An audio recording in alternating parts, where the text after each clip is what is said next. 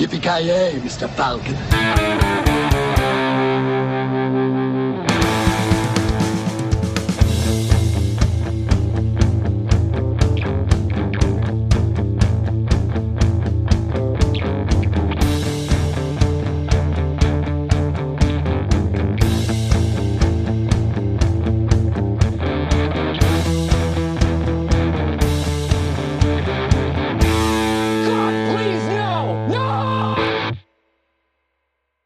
Jajamensan gott folk, hjärtligt välkomna till ännu ett avsnitt av Creative Meltdown Podcast. Podcasten som åtnjuts bäst på mobilen. Eh, med oss idag har vi mig, Kalle. Eh, och eh, det, ja, det, det, det är hög energi här borta i Norrköping i alla fall. Och eh, här innan har vi ju märkt av att eh, det är trött överallt alltså. Det är jävligt trött. Speciellt uppe i Luleå med Mr. Voja. Hur är läget? Nej, fan. Det är trött. Nej, men det är sån där... det är sån där time of the year. Det Ja. är mörkt och förjävligt. Och ja, men vad gör man inte för eh, konstens skull? Ja, så är det ju. Så är det ju. Du är ju en väldigt eh, begeistrad människa när det kommer till just konsten, så det, jag förstår hur du tänker där. Men, eh, ännu en konstkonnässör här bland oss då, så har vi då Mr. Joakim Granström eh, från Skellefteå. Hur är läget? Ja, alltså jag ska inte prata någonting om eh, hög energi. Jag vet inte om jag är ener- energisk, men jag är hög i alla fall. Så att eh, Ja, det är bra. lite grann på topp måste man få vara ibland. What else is Nice. new? ja, precis.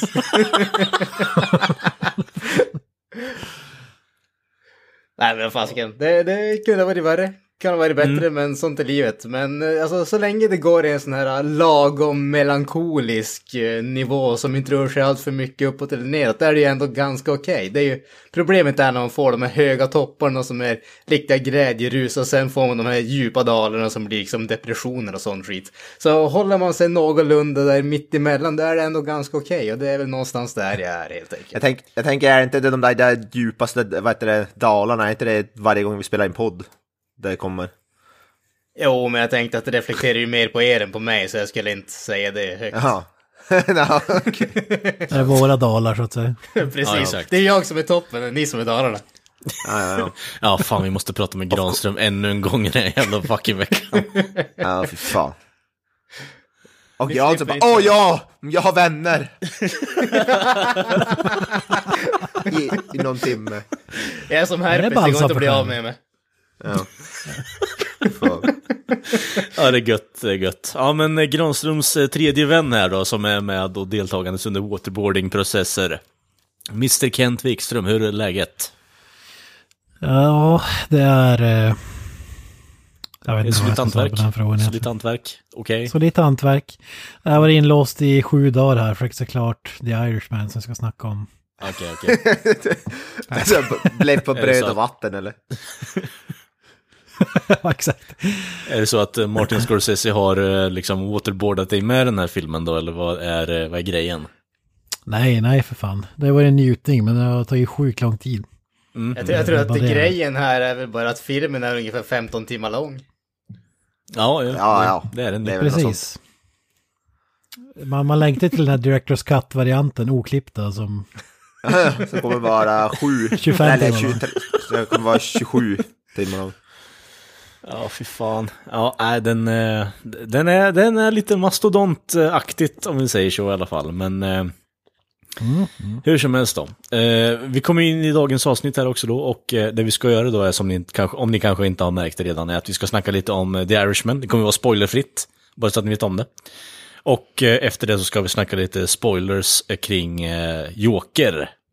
Eh, med tanke på att alla har sett den nu också och eh, Kent som var först på bollen har ju fått vänta på oss andra.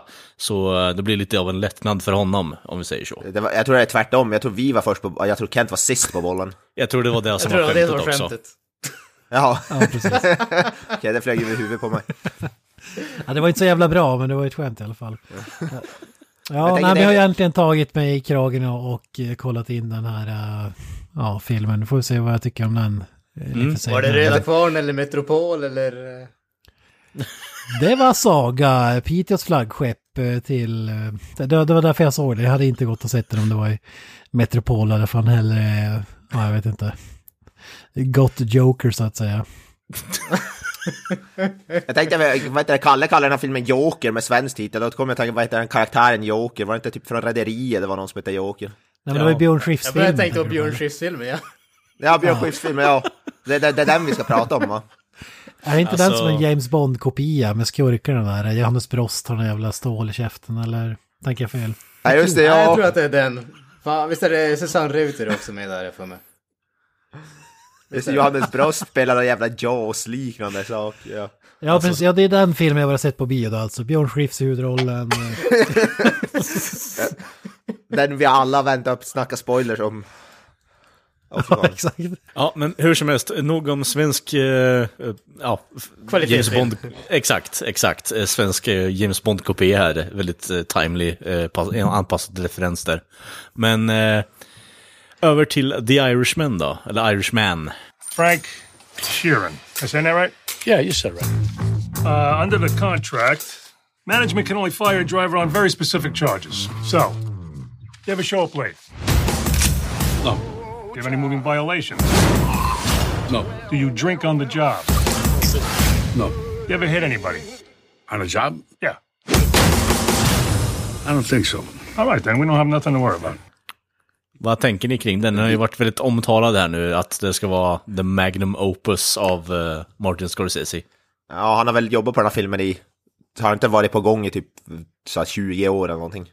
Jag tror Ja, men typ fem, fem, hållet. 15, 15 år i alla fall, sen boken kom ut. Början på, på decenniet typ. Det de har sagt är väl typ att Robert De Niro gav honom boken typ när den kom ut för att han tyckte den var så jävla bra och ville att de skulle göra en film om den och så har det inte blivit av förrän nu typ. Nej, Nej, det har ju varit på gång länge i alla fall. Det, det är inte så här, eh, vad fan heter den? Eh, Boyhood, eller vad fan heter den? Ja, ja, boy, ja, precis. precis. Link- It took Link- 12 years to make, det var inte en sån. Linklater-filmen, ja. Även om man hade kunnat tro det med tanke på att det skiftar så mycket i åldrar på skådisar, men så, så är det faktiskt inte. Hade varit billigare också förmodligen. Ja, högst troligt. Men eh, Ja. tankar kring den då boys? Alltså det här är ju Scorseses typ, vad heter det, Endgame, version av Endgame, typ. alltså, Tar, tar typ alla, alla skådisar från alla filmer han har gjort typ och stoppar in i en och samma film. Är det inte lite så?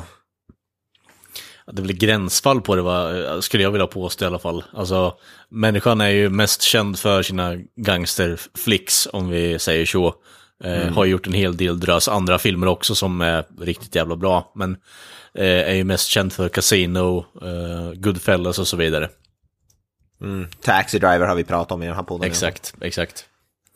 Men eh, ja, alltså jag vet inte om jag kan kalla det för, för eh, hans eh, endgame egentligen. Alltså det, det känns mer som att det blir på något sätt någon form av kärleksbrev till någon form av baksida av samhället som han finner intressant. Eh, och han slår upp det till tusen istället för tio, eh, som är mackgränsen i det här fallet. Ja, men det man kan säga om den här filmen, alltså det, nu som vi pratade om eh, innan, alltså vi i Sverige har väl typ noll koll på vem Jimmy Hoffa var och jag hade definitivt noll koll annat än att jag hade hört namnet.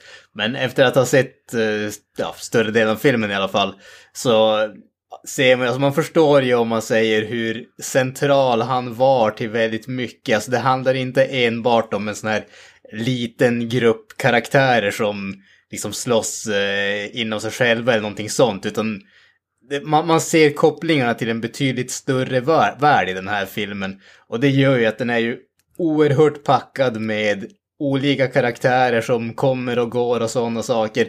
Och det är väldigt mycket känns det som att man förväntar sig att man ska veta ganska mycket i bakgrunden för att faktiskt få ut någonting av det känns det som. Och till viss del känns det också som att i och med att den, är, den har så många trådar som sticker ut åt olika håll så känns det som att man var nästan, eller han, Martin Scorsese kanske var nästan lite väl rädd för att eh, klippa bort vissa bitar som kanske inte kändes riktigt nödvändiga eller riktigt lika intressanta som andra bitar av den här filmen, vilket gör att den till viss del känns ganska långdragen enligt mig. Det är väldigt bra hantverk, det är väldigt bra skådespeleri, den är snyggt gjord och allting sånt, men jag kan inte undgå att tycka att den till viss del känns ganska tråkig och ointressant också. Mm, ja, men jag är helt med på det spåret också faktiskt. Eh, alltså, jag kan tycka att det är lite intressant att se Joe Pesci inte spela en psykotisk människa som tar pistolen till första vä äh, vägen egentligen. Så han, och det, men det är Okej, fortfarande... okej, okej. Va? Det var, det var Alltså man säger i alla filmer. Okej, okej, okej. Okej, okej. Det, det är långt mellan den här och eh, Home Alone alltså. Jo, jo, jo, jo. det, det, är lite så, lite så. Men det, det blir på något sätt att han tar en annan typ av roll inom just gangsterbranschen, för det är ju typ de filmerna han är känd för också, vilket är lite så här, alla de här, eh, dels eh, Pesci, eh, De Niro och Scorsese är ju liksom, det är ju filmvärldens svar på Gudfadern, liksom, ja, det låter jävligt pantat, men alltså maff- Cosa Nostra, liksom, det är ju maffiasnubbarna inom film är det ju. Eh, men alltså, och se Pesci var lite mer alltså, low key, alltså, inte, det är inte psykopatvarningen som det är i Goodfellas, utan det är mer att han är lite mer, alltså, jag kommer få min vilja igenom oavsett om du vill eller inte, och eh, jag kommer försöka vara lite snäll mot det här. Men eh, det, det, jag tycker att han gör en bra prestation i den här filmen faktiskt, om man ska vara fullt ärlig. Ja, för, är- för, mig, för mig är det det bästa med hela filmen. Men, Mm, men eh, jag tycker att, det, som ni säger, alltså man, man kan, kanske tycker att storyn är tråkig så här, och storyn är ju inte, Granström har inte sett klart filmen när vi, när, vi sp, spelar in det här, men alltså om man ska, the bottom line är att storyn i sig är inte jättehäftig, men det är ju, det är ju Nej. skådespelarinsatsen och den här eh, per, vad kallar man det, period piece, alltså det, det visar hur det var en, en viss tid i, i USA liksom och, och allt det där och när ni fått visa hur mäktig Hoffa var, han var väl typ efter presidenten sägs väl han ha varit den näst mäktigaste mannen i USA vid något tillfälle. Ja. Ja, och så, vi, vi vet ju bara typ Jimmy Hoffa, ja han försvann, det är ett joke. Ja. Vart fan är Jimmy Hoffa och så vidare. Alltså det är det han är mest känd för, typ, för att han försvann. Typ. Ja, det, det Ja, sa ju. Scorsese också inför den här filmen, att han ville som göra någonting, alltså visa för de kids idag har ingen aning vad fan det är, de, de vet bara om att han försvann och, och, var någon slags gangsteraktig typ, men eh, mer än så vet man inte. Sen Alltså, var väl, vad jag förstått så är inte den här en så här super eh, Nej. eh, jätterättvis bild av Jimmy Hoffa, den är väl lite snäll vad jag, vad jag förstått. Men jag tänkte bara säga en sista grej bara, Joe Pesci, alltså han gör ju comeback. Han har för fan inte gjort en film sedan den innersta kretsen med eh, 2006. Och så har han gjort någon så här halvdan voice-over-grej någonting, men det här är hans första film sedan dess. Så han, han är ju gått, han gick i pension och innan den var det ju typ så här, eh, fan, det var, det var ju typ Dödligt vapen 4 tror jag. 98. så. Och han och, han och De Niro har väl inte varit, gjort någon annan film, alltså sen Goodfellas tillsammans. Det är väl första gången de samarbetar också, eller? Och dessutom är det första gången Scorsese och Pacino gör en film. Ja. Och det dröjer till 2019, det är ganska sjukt. Med tanke Ja, det är sjukt. Och, och alltså att, de, att Joe Pesci, Robert De Niro och Al Pacino i samma film, det är ganska, det kommer nog aldrig hända igen tror jag. Nej, Det är det som är coolt med den här filmen, det tycker jag i alla fall. Man har Ja, velat se dem tillsammans så jävla länge och inte ens De Niro och Pacino har ju varit tillsammans i, i några filmer. Det, det är väl eh, Heat, någon enstaka scen. Ja. Ja, den jag tänkte på är långt längre tillbaks i och för sig, men i Gudfadern 2 liksom. Eh, ja. Ja, men jag menar, de delar ju, de delar ju inte ens bilder ut i den filmen. nej, så nej, så nej. Nej, det är jag helt med. Ja. Righteous Kill gjorde de ju, men det var ju värdelös. Kom Mm, 2008. Men, ja, det, så det, det är det jag tycker är coolt med den här filmen. Ja, det är, Så- alltså det är så mycket, så mycket namn i den här, stora namn i den här filmen ändå. Alltså förutom, vi har ju Robert De Niro, Joe Pesci eh, och Al Pacino. Men vi har även Harvey Keitel är ju med på ett hörn. Vi har R- Ray Romano. Var med där också. Ja. Eh, ja, vad, vem har vi med? Vi har... eh, ja, vi behöver inte dra upp alla liksom. Ja, det, är en men det är- kan- många människor är det. ja, det är många Alla du kan tänka dig att du har sett i en maffiafilm med mer än Ja, här, typ. som Ja, exakt. lever idag Det- typ. Alltså det är jävligt mycket cameos. Men eh, vad heter det? Ska vi dra själv, eller som, vad är handlingen? Jag tycker det här känns lite mycket som Once upon a time in Hollywood. Som Kent sa, den har inte så mycket handling. Det är mest som karaktär och sånt som är intressant typ. Ja, men du har ju, alltså... Man kan ju säga att filmen centrerar, eller åtminstone i början centreras ju kring eh, Frank, alltså en irländare Eh, spelad av Robert De Niro. Jag måste erkänna att jag fick väldigt lite irländsk känsla av den här, av någonting i den här filmen. Eh, de säger att han är irländare, det är ungefär så mycket irländskt vi får i den här filmen, men oavsett. Men det, det, det, han är liksom gammal i början av filmen, han är på ett hem och har väl inte så långt kvar, verkar det som i alla fall. Och så sen får man liksom se hur han reflekterar över saker som han har gjort och händelser från tidigare i hans liv och så följer det om man ser olika eh, tidslinjer parallellt så att man hoppar dels tillbaka när han var yngre och dels tillbaka inte lika långt när de är på väg till ett bröllop. Mm, precis. Alltså det handlar ju om, handlar om den här, han Frank Sheeran, att han börjar jobba, bli som, han, jag tror han kör några så här köttleveranser i början, levererar kött Ja. med lastbil och sen blir han involverad i typ någon så här kriminell värld med vad heter det, Joe Pescis karaktär Russell och även då sen Jimmy Hoffa. Och ja, han blir någon slags hitman typ, kan man väl säga. Ja, precis. Han blir hitman, blir polare med Jimmy Hoffa och maffian och man får följa deras eh, liv liksom. Och de får, som inte vet Jimmy Hoffa, han är någon typ av värld, han är ledare för någon fackförening typ. Visst är det det som är grejen eller har jag missförstått det helt? Nej, då har du fattat det rätt. Ja, någon union leader, det är det. det. Jag fattade ju, innan jag såg den här filmen hade jag ingen aning om vad han ens gjorde, Jimmy Hoffa. Jag trodde han var typ, jag trodde han var typ såhär, typ såhär Do- Don Corleone och såhär typ gudfadern gangster. Men- Jag tror Eh, Exakt det ja. trodde jag också faktiskt. Det är nog inte helt långt ifrån med tanke på alltså, det man har hört från den här filmen och sen läst upp lite efteråt också. Han har ju gjort massa skattebrott och liknande och varit involverad Ja. med maffian och bara I heard you paint houses och så vidare liksom. Eh, Ja.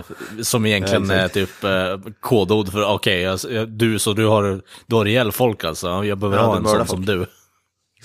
Men, alltså det är så konstigt för mig, för det är ingenting man hör typ i Sverige. Bara, "Ah, en fackföreningsledare som är typ ledare över, över hela, alltså mäktigaste personen i landet. Det är som, jag förs- det är som så weird för koncept alltså. Det är som att Ja, se Stefan... ba- bara, ja. ja. men alltså bara den här grejen att det är så oerhört kontroversiellt och att det är så intensiva politiska strider om det här. Det känns extremt främmande. Ja. Det är typ som om, alltså mitt, så, så, transport, ledaren för Transportarbetarförbundet är den mäktigaste mannen i Luleå liksom. I Luleå också. Det är väldigt så centrerat. bara. Eller i Norrland eller vad, vad fan det är. Det är så, så weird.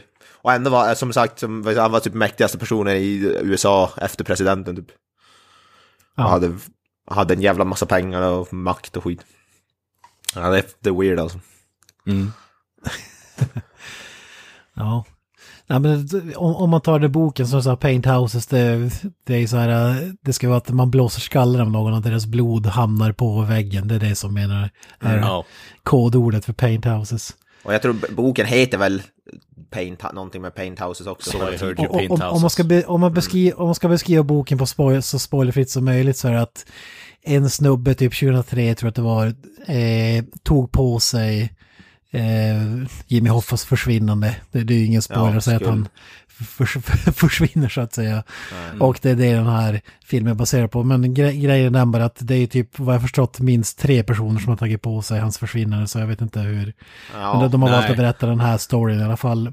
Jag tror att det är därför man inte går in så jävla mycket i, i detaljer och så, utan man koncentrerar sig på Hoffa och visar hur det var att leva på den tiden och med allt det vad det innebär med maffian och så vidare. Mm. Många har ju liksom gått fram och sagt att den här storyn som eh, eh, den här boken är baserad på, är en intervju som är baserad på det här, han har ju berättat liksom, bara, ja men jag har dödat Hoffa och så vidare, eller what the fuck not liksom.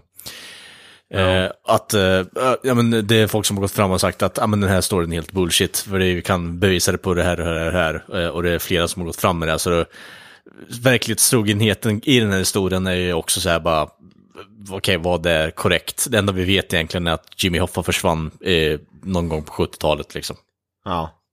Han kan ju leva idag, det vet man inte. Ja, absolut. Precis Jag som lever på den Elvis. där ön, ön med Elvis. Exakt. Förmodligen. Chilla med Lemmy och company. Ja, Han, han styr ju upp alla liksom gatherings där eh, med tanke på Ja. att han har varit union leader. För vad är det för weird att han är så här sekt på den där ön med Elvis och Lemmy och så står alla så här i robes och så bara haum, Och så har de haum. så här Palpatine-figur eh, som är... Ja, ja, precis. Well my children. Oa! Jimmy Hoffa! Ja, Al Pacino står där också på ett hörn. Hurra! Cockroaches. Cockroaches. Ja, det är humor.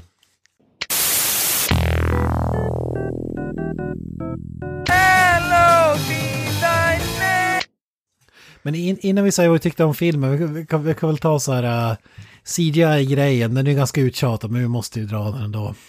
Ja. ja de har ju de har en gigantisk budget för Ja. att man har gjort så här specialeffekter. Istället för att sminka någon eller använda någon yngre skådespelare för att visa precis. hur det gick till när de var yngre. Så har de bara rakt av kört någon CGI-grej så att de ser, ska se yngre ut. Ja men det, Ja, må, det måste ju vara typ samma som Marvel gjorde i Ant-Man med Michael Douglas och det där. Alltså det, det är ju Och- typ någon ja. variant av det som de har kört. Ja. Ja, det är Tarkin i Star Wars. Det är samma företag, ILM, som har gjort eh, de grejerna. Mm. Den här eh, Jarring-generalen som var helt... Där, är det Peter Cushing han heter? Ja. ja, precis.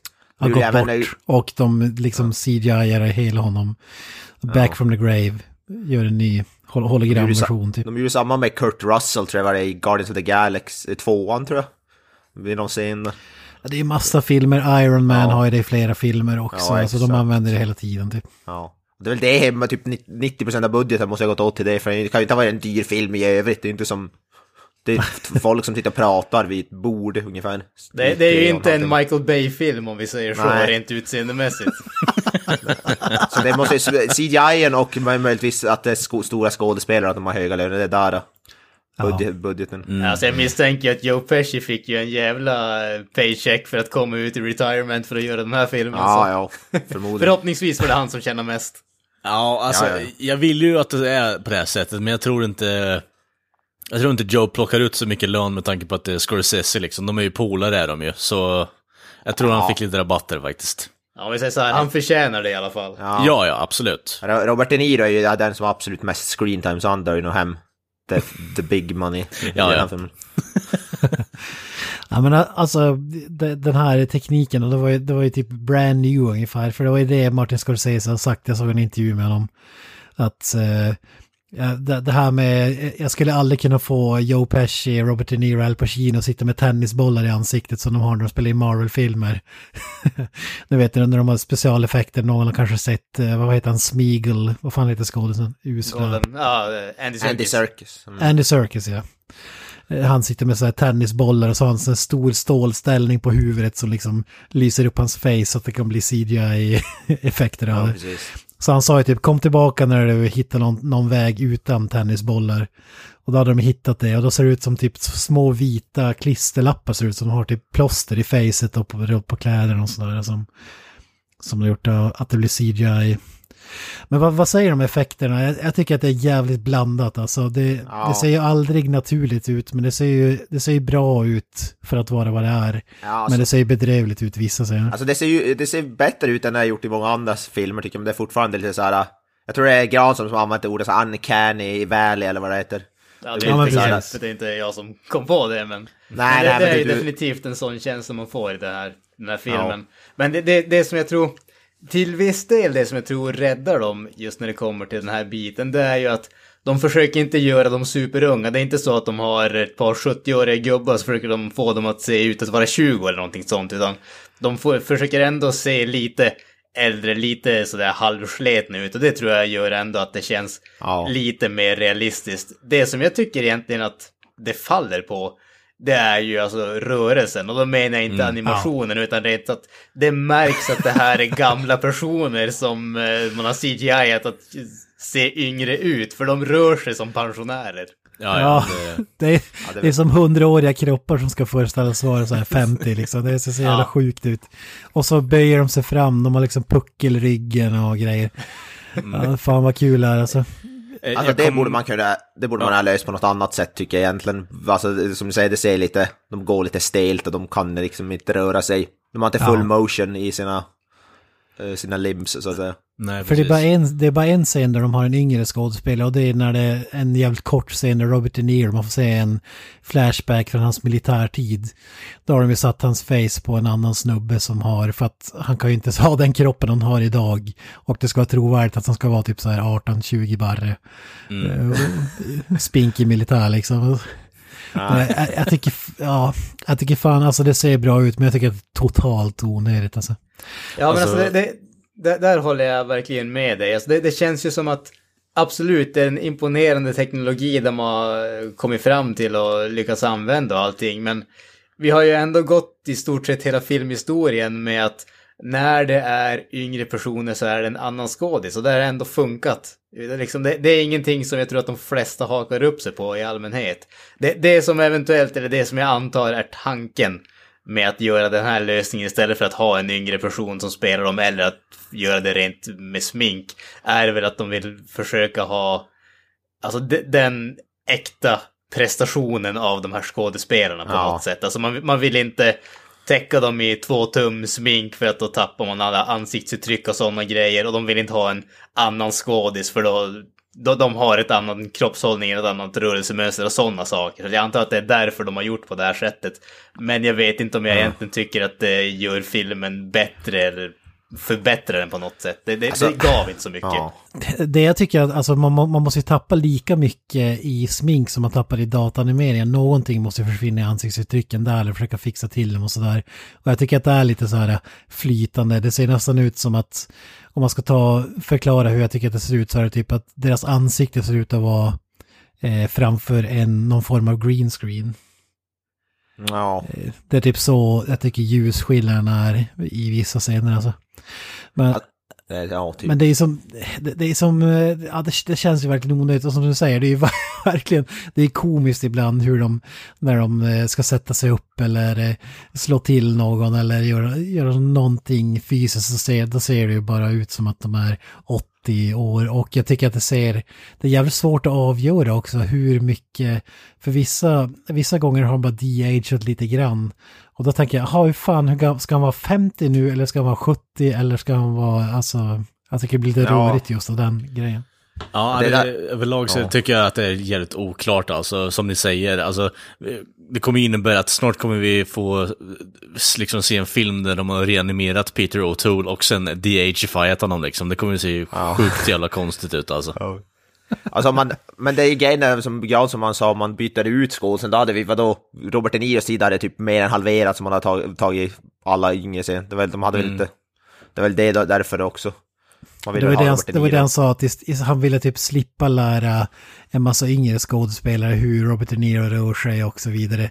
Då är det enklare bara att köra här, men det är kanske enklare för Scorsese, kanske inte för det här teamet som kostar typ 200 miljoner dollar att eh, fixa en jävla CGI på, jag vet Så inte. det, det är fan svårt att säga hur de, hur de skulle ha gjort egentligen alltså. För på ett sätt vill man ju inte att de byter ut Robert De Niro, men på ett sätt så vill man ju inte Man vill kanske ju... ha det här. Nej, Ja, nej, jag alltså, tycker så här, ha- hade det varit för, säg 30 år sedan de hade gjort den här och de hade gjort dem äldre till exempel och typ då hade jag förstått, köpt det mer för att det är så stor del av filmen som kräver att de är CGI-face. Alltså, ah, det hade makat mer sens att göra den då. Sen, ja, jag vet inte. Jag, jag tror för min del, bara, bara de hade gjort de här scenerna när de ska röra på sig, att de hade gjort det på något annat sätt. Än att, alltså då hade jag nog varit mer okej med det, för det är de scenerna som ser sämst ut.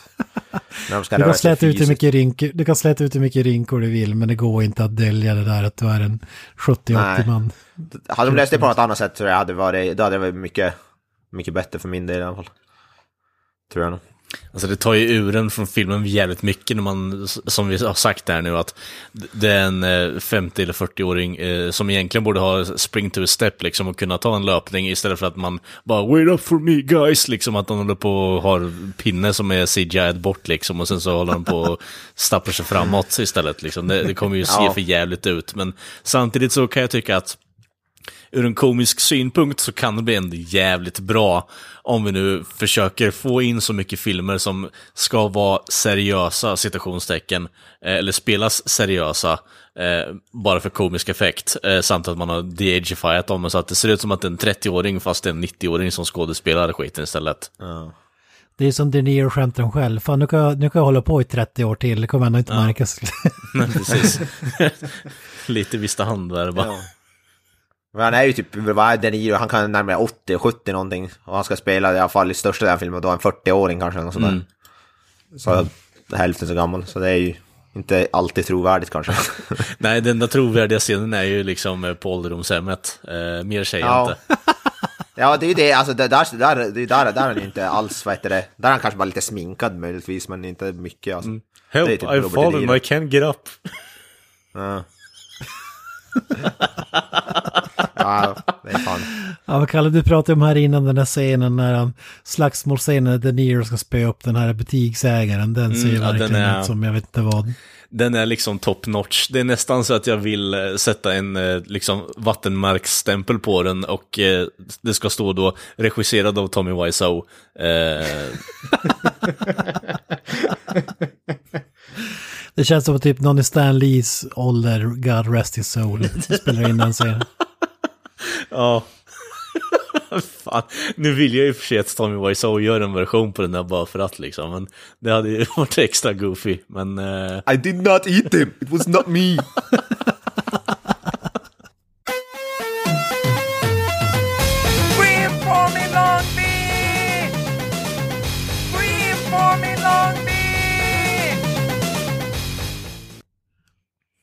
Nej, Men på tal om... men, ja, jag tänkte du. bara säga... Kör du. Ja. Jag tänkte på tal om Marvel sådär, att det är ju, eh, vet du det, ja, vi har ju nämnt Marvel, men det är ju lite roligt att komma, vet du det, och, ja, på tal om specialeffekter och sådär, med tanke på Scorseses uttalande om Marvel-filmer. Vi pratade ju lite om det innan också, men han har ju varit lite i blåsväder, Scorsese, för att ha pissat på Marvel och att, ja, det, att det inte är real cinema, så att säga. Uh, och att det, alltså, ja, jag vet inte. Samtidigt, han har klagat på att det är så mycket så specialeffekter och det är inte riktiga personer och sådär. Så, och ändå sen kommer han med en film som Kai Hans, som, som är hans mest specialeffektbaserade film någonsin typ. Är han lite hycklare? Är han lite hycklare eller? men han, hans, stor, hans största kritik var att filmerna var exakt likadana varje gång och det Ja. är ju helt spot on, det kan man inte säga någonting om. Ja, ja det är det ju. Sen tillägget, eh, jag har kikat på intervjun istället för att läsa massa rewrites, då säger han ju It's not cinema for me. Alltså han menar att alla har ju sin version av cinema och för mig är inte det här Ja, eh, cinema. Så då, ja jag inte. vet. Men nu det- nu har det lite gränsfall här att han kör en CGI monsterfest eh, just efter det där uttalet. Men- ja, men vi har ju pratat om det tidigare, men jag tycker ändå han, har- han har ju rätt i det. Han, vad heter det, det han säger om Marvel-filmer är ju spot on och tycker jag också. Det är ju bara, jag tycker bara lite kul, folk blir så jävla upprörda alltså. Det är bara roligt. Ja, det, det handlar inte om känslor eller eh, relationer mellan karaktärer och det är samma film varje gång. Det är ju, det kan ju ingen Det är ju säga. sant. det här är ju tvärtom, den här filmen är ju typ bara det. Det är bara relationer mellan skådisar och ingenting annat typ. Eller relationer mellan karaktärer. Ja. Ja men vad, vad säger ni? Jag, jag tycker fan, jag, jag har lite snarlik vet, när jag lyssnar i podden, att jag har ingenting emot att filmerna finns givetvis, men de drar in så mycket pengar så att nu ska alla filmer vara den typen av... Ja, vi har ju ett bra exempel, filmen vi ska prata om sen hade ju aldrig gjorts om det inte hade varit för att man slängde in att det var en superhjälte-grej Nej, i filmen Mm. liksom. Nej, men det är väl lite, lite samma där. De, de, det är ju underhållande, de får såklart existera, men jag tycker ändå Scorsese har väl rätt grund och botten. Men... Alltså jag ser ju definitivt fram emot The Irishman Cinematic Universe. Ja, precis. Fan. Blir en timme längre för varje film. Liksom. Ja. Vilken av Tonys eh, får första filmen då, Granström? ja. Oh, Tony nummer fyra tror jag. Ja, nice, nice. Ah, alltså jag, jag lutar mer åt Tony nummer sex alltså. Alltså Tony, Tony nummer sex är fan jävligt överskattad måste jag säga. Jag är, ju, Ja. jag är, ett, stort, jag är ett stort fan av To- Tony nummer åtta. Eh, han förtjänar fan med en standalone film först alltså. Den jäveln! Ja. Fy fan. Alltså nu, nu känner jag att det här börjar bli lite väl extremt här. Alltså nu, nu, nu kommer vi in på sådana här åsikter som inte är acceptabla i eh, öppna, öppna sammanhang så att säga. Alltså, man, måste, man måste ju tänka själv. progressivt. Man måste tänka progressivt i den här världen, Granström. Så enkelt är det bara. Fan vad du är Fan. konservativ med dina jävla Tonys alltså. Tony kon konservativ kallas det. S- Säger de inte något sånt skämt i filmen liksom? eh, Det är rasistiskt mot italienare. Fan, alla heter Tony och någonting Ja, med namn. ja exakt. Ja, Ja, det var det som var kopplingen där. precis. Det var det du gjorde narr på. Alla heter Ja, ja, men jag menar, Tony. ve- vem är det som säger det? Det, är ju, det var ju Al Det är ju Al Pacino? Al Ja. Pacino, ja, just det. I can't think of another name. Tony, va? Ja. Alltså det måste man ju också prata om Al Pacino, han låter ju precis som i det här uh, Scent of a Woman, eller han har ju samma Ja. det, uttal, eller man ska säga, samma tonläge. Så här, "Hurra, hurra, hmm." Så han ryter fram varenda mening alltså. Ja, jag håller med. Exakt. Alltså, det är så jävla kul för jag såg så här behind the scenes grej och då, då berättade han att han lyssnade på Jimmy Hoffa ljudinspelningar mellan varje tagning för att han skulle härma eh, hur, hur hans tal liksom. Och så ändå är den här Oa! I'm Jimmy Hoffa man! 100% Al Pacino, alltså det är Han tar ju, alltså, han tar ju i så han håller på att skita ner sig. Ja, Alltså. men han är ju så jävla kung när han gör det. Ja, liksom. jo, jo. Jag, det är länge som man har sett Pacino på det här sättet, så jag välkomnar ju det här faktiskt. Han, Ja, han är, Ja, ja, han är ju ja. Han är ju awesome, men det är bara lite roligt att han pratar exakt på samma sätt som Jo, han jo. gjorde i den filmen. Men jag har ju inte sett Al Pacino som här, toppen skådespelare direkt annars. Han är ju mer... Ja, jag älskar ju. Han är ju underhållande. han. Alltså, det finns ju bra mycket bättre skådespelare än Al Pacino, men jag har ju, alltså Al Pacino är underhållande för mig han. Så det... Han är, han är, Fan han vad sjukt han uttalande. Vad, Han va? är fan kung. kung. Han är det bästa Ja. skådespelaren i världen ungefär. Va? Nej, Så kollar bara ta, Scar- ge oss Scar- snubben i Mindhorn. Ja. För fan, han i den här filmen nu. Jag vet, jag vet, jag tycker bara det var roligt. Han spelar ju över som fan. Det är lite som Dr. Loomis känsla från Halloween. Spela över fast det, det är bra ändå. Det, det var det Scorsese sa. Channel your inner Dr. Loomis. Hurra! Ja, det är verkligen ingen så här subtle skådespeleri som typ för Joe Pesci i den här filmen, som, det är som natt och dag. Man ser när de är i någon scen tillsammans, alltså så Joe Pesci typ viskar medan Pacino typ skriker i facet på. Det är fan kul alltså. Ja, nu är det lite överdrivet men det är, det är 100% Al Pacino bara. Och det är så jävla kul att han har gått in och så se, lyssnar mellan tagningar på hans ljudupptagningar och så låter det ändå exakt som honom själv. Liksom. För det jag har hört är att Jimmy Hoffa inte var sådär, han- han var väl inte sådär jävla vresig och vrå liksom, alltså. Jag vet inte om det, jag, jag bara för mig att jag läser någonstans han, han, han var ju ganska lågmäld ändå. Nej, men, Jag ja, men jag, det, det såg jag också i intervjun. Pa- Pacino berättade att han gillar inte att läsa manus tydligen. Nej, det är klart. Så han, han, han, han ville improvisera lite och så sa ju Scorsese, ja men kör, kör, typ reagera som du tror att karaktären hade reagerat när han får veta, vi ska inte spoila slutet och sådär, men när, när han pratar med Jo- Joe Pesci bland annat, då var det så här, oh, oh, oh, det, Motherfucker cocksuckers! Alltså det är typ så, Alltså han tar ju alla sina karaktärer, det är Saint Woman så är det lite Scarface där i också. Det är så jävla magiskt. underbart, det underbart. pratar mycket om att han inte gillar folk som är sena också, det är ju halva hans grej. Typ, folk ska fan inte vara sena. Fucking cocksuckers. Alltså den där scenen när han ska, vad heter det, då, när han kommer sen, när han kommer in med shorts eller vad det är till möte, den han så den tyckte jag var så jävla underbar. Jävla när han blir så jävla förbannad. Att då tvingar han ska, vad heter det, apologize för att vara sen och allt vad det är. Ja, Pa- Pacino är briljant. Han är Pacino 200 procent. Men förutom med han så är det ju, det, ja, Joe Pesci och Robert De Niro är ju de som, jag vet inte, det, det, det är ju inte någon annan riktigt som, som, som är värd att peka ut som är, för det är de som har mest screen time.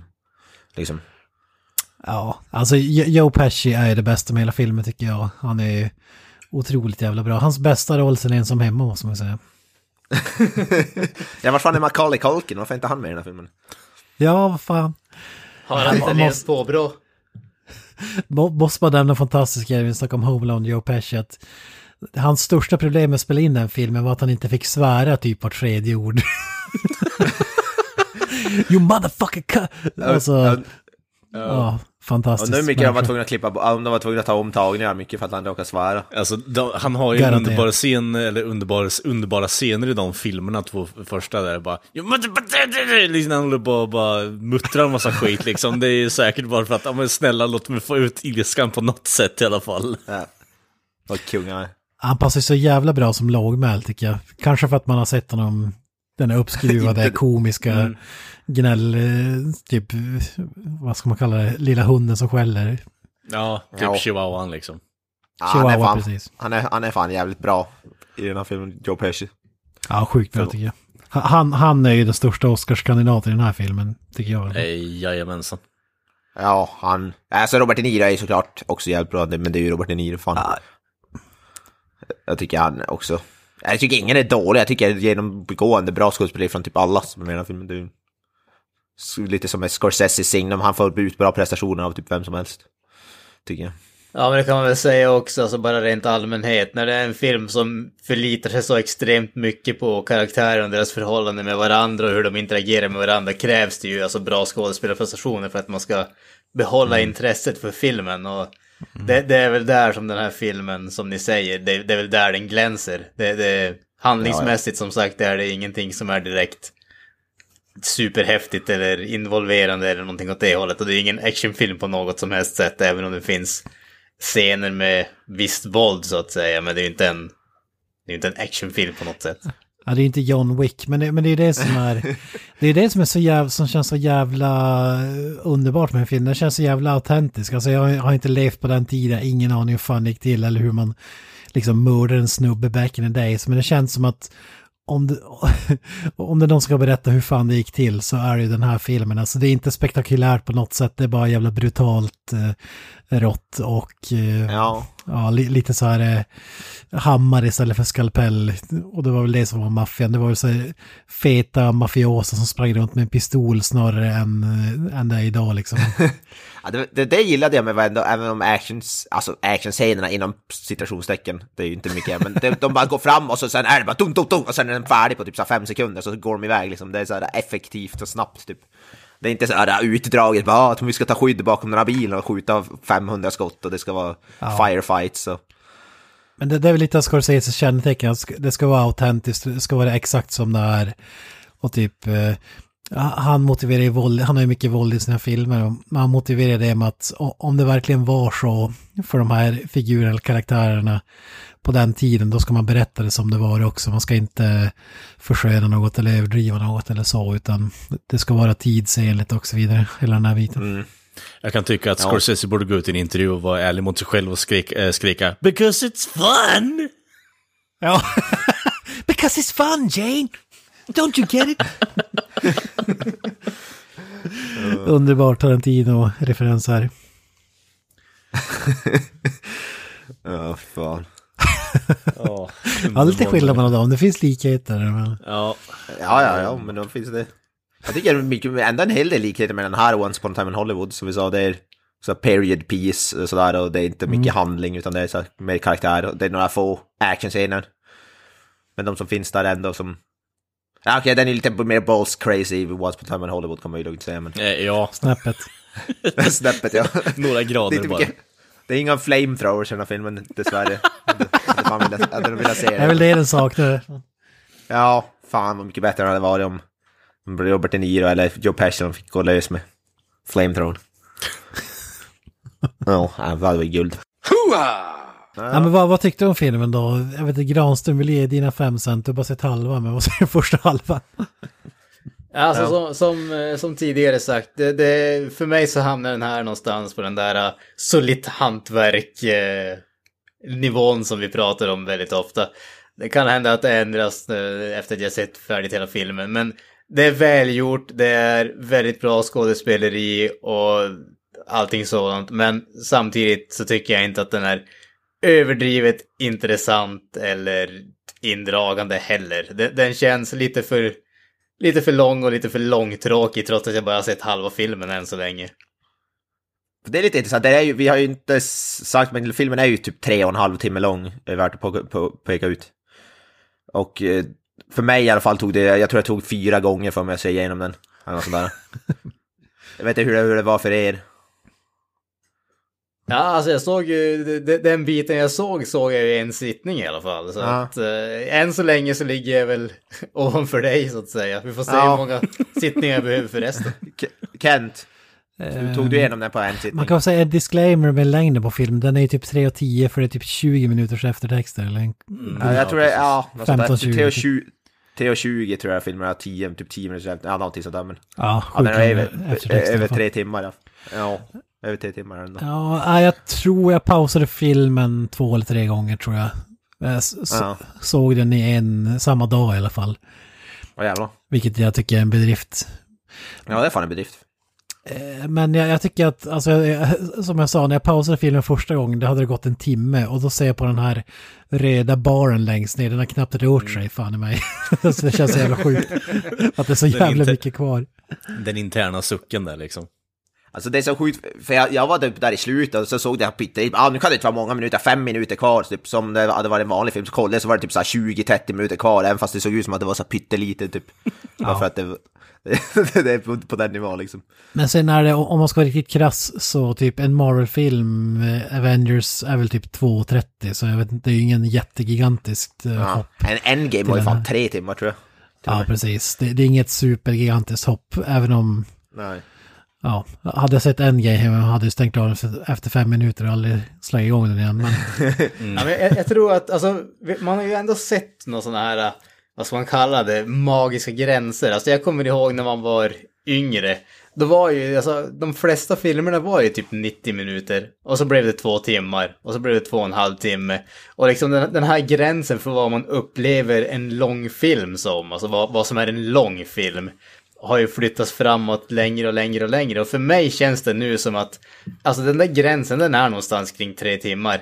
En film som är under tre timmar, det kan ändå gå liksom ta sig igenom över nå utan några större problem. Men går den över tre timmar, då, då är det någon sån där mental grepp. Då känns det som att nu är det en lång jävla film, Ja. även om det egentligen inte är så mycket längre än en film som är tre timmar. Alltså för, så för mig förut, alltså jag kunde ju se, ja, det, jag har sett eh, på en typ helg, så- såg eller på en kväll så här, jag såg alla tre Sagan om ringen extended, alltså på en kväll.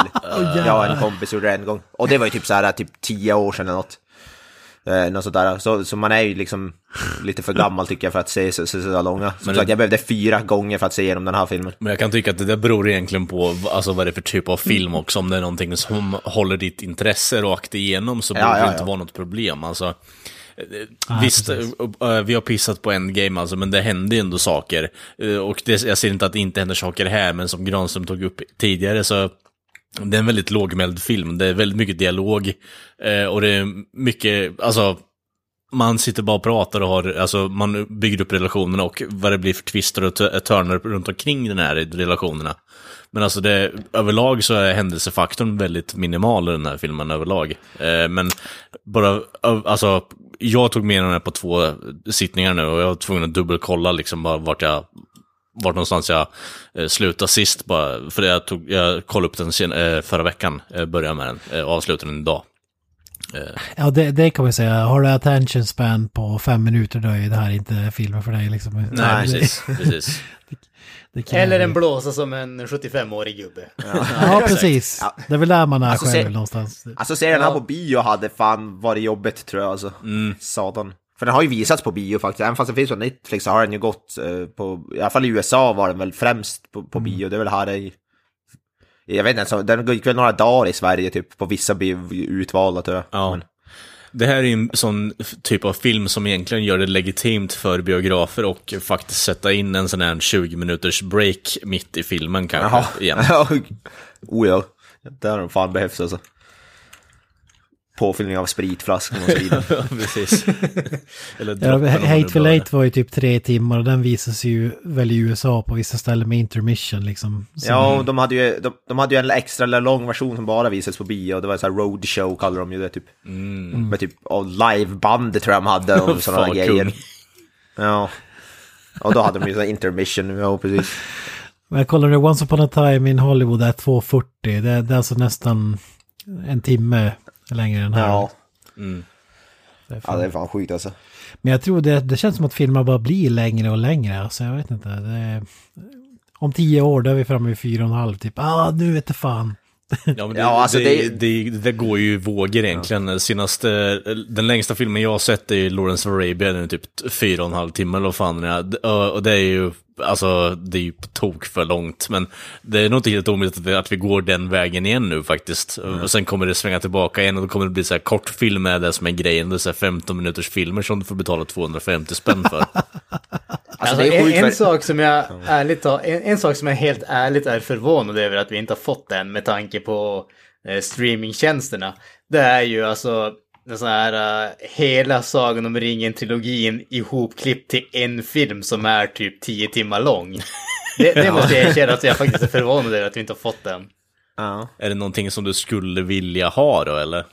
Alltså jag, jag måste erkänna att jag, jag skulle ju nästan det. Jag är tveksam till det. Alltså det, det. Det känns som en sån där grej som... jag, jag säger att jag vill ha det, men om jag någonsin skulle se det på Netflix skulle jag bara tänka alltså jag kommer aldrig någonsin att ta mig igenom det här, jag skulle aldrig precis. se det. Men jag skulle vilja ha det, jag skulle vilja ha möjligheten att se den på det sättet. Men det, man hade velat se Halloween 1 och 2 på Netflix ihopklippt eh, till en och samma. Det Ja, precis. Men skulle det gå med Sagan om ringen, alltså det, det är väl inte overlappare, då måste du klippa om filmerna kanske, eller... Ja, det är ju som separata böck, böcker och sådana grejer liksom. Det är ju ganska Ja, separat. alltså, ja. bö- böckerna, det är ju en lång bok som de delar i tre, så att säga. Så det, det, så det, det är ju, men, men li- lite omklippning och så gör man en special edition av det. Jag tror ändå att det skulle kunna göras utan allt för mycket arbete. Och jag tror med tanke på hur stora och framgångsrika både böckerna och filmerna är så tror jag att det skulle nog vara ekonomiskt eh, försvarbart att göra det. Sen betyder det inte att det någonsin kommer att hända, men... Det hade Alltså, varit mer man kan- försvarbart om man hade kokat ner Sagan om ringen till 90 minuter. De hittar den här örnen efter en halvtimme, flyger dit och så är det klart. Alltså, mer än så behöver inte vara berättaren den här storyn. Det är det som är sjukt för idag om man ser typ en film som är 90 minuter känns det ju som en kortfilm typ. Jag såg en film nu i helgen som var typ bara 90 minuter. Det, kände, det var ju typ nice också på samma gång för alla filmer är så jävla långa. Så när man ser en som är 90 minuter så är det typ ganska awesome egentligen. Jag, jag, jag säger ju bullshit på den, för jag tror inte att det görs en film nu som är 90 minuter lång, så att eh, det där var en uppenbar lögn av Oja. ja, ja, precis. Nej, jag ljög. Jag såg inte alls en film. Jag, av, jag slog av den. Jag förstår, ja precis, där, där kom sanningen fram. Ja, men det, är, det, är typ, det är typ uppfriskande att se sådana filmer som faktiskt inte är så jävla långa. Alltså. Ja men alltså det, det, det, det finns ju en skillnad mellan en film som är lång för att det finns mycket som behöver vara med och det liksom, det förtjänar längden och sen finns det filmer som är långa bara för att vara långa och liksom bara stoppa dit en massa grejer som egentligen bara känns överflödigt.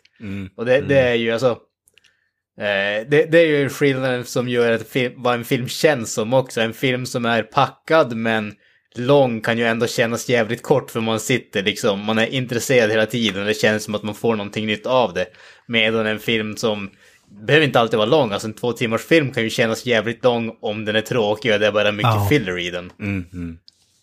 Absolut, men alltså visst, när du sitter i soffan i 3 och 20 eller fan där, då det känn, det, det, du känner att du har suttit där länge, men alltså rent, om man säger filmmässigt tycker jag inte att det känns som en film som är så jävla lång. Då ska jag säga att den känns som en film som är kanske två timmar drygt där kring för Ja. mig i alla fall. Alltså nu såg ju inte jag den i en sittning eller på en dag till ens men jag tyckte inte alls det kändes som att den var för lång eller någonting. Jag tyckte den, alltså, har längd, jag tyckte längden var bra, det behövdes den. För den här filmen tyckte jag. Jag känner inte att det finns några bitar jag hade velat klippa bort så här för att det Nej. inte... Men det är som sagt, man, man, måste ju älska skådespeleriet och, och de där grejerna och så visa upp Mm. Ja, den här ja. världen. Köper man inte det alls då är det ju godnatt liksom. Ja, ja. Ja, men jag gillade det. Äh, jag gillade allt, alltså filmen typ rakt igenom så jag tyckte det var faktiskt. Det är inte så att nice. Jimmy Hoffa vänder sig om och säger I see dead people i slutet av filmen och så är det någon sån här. Uh, I see Jimmy Hoffa, säger de istället. ja, exakt. Ja, äh.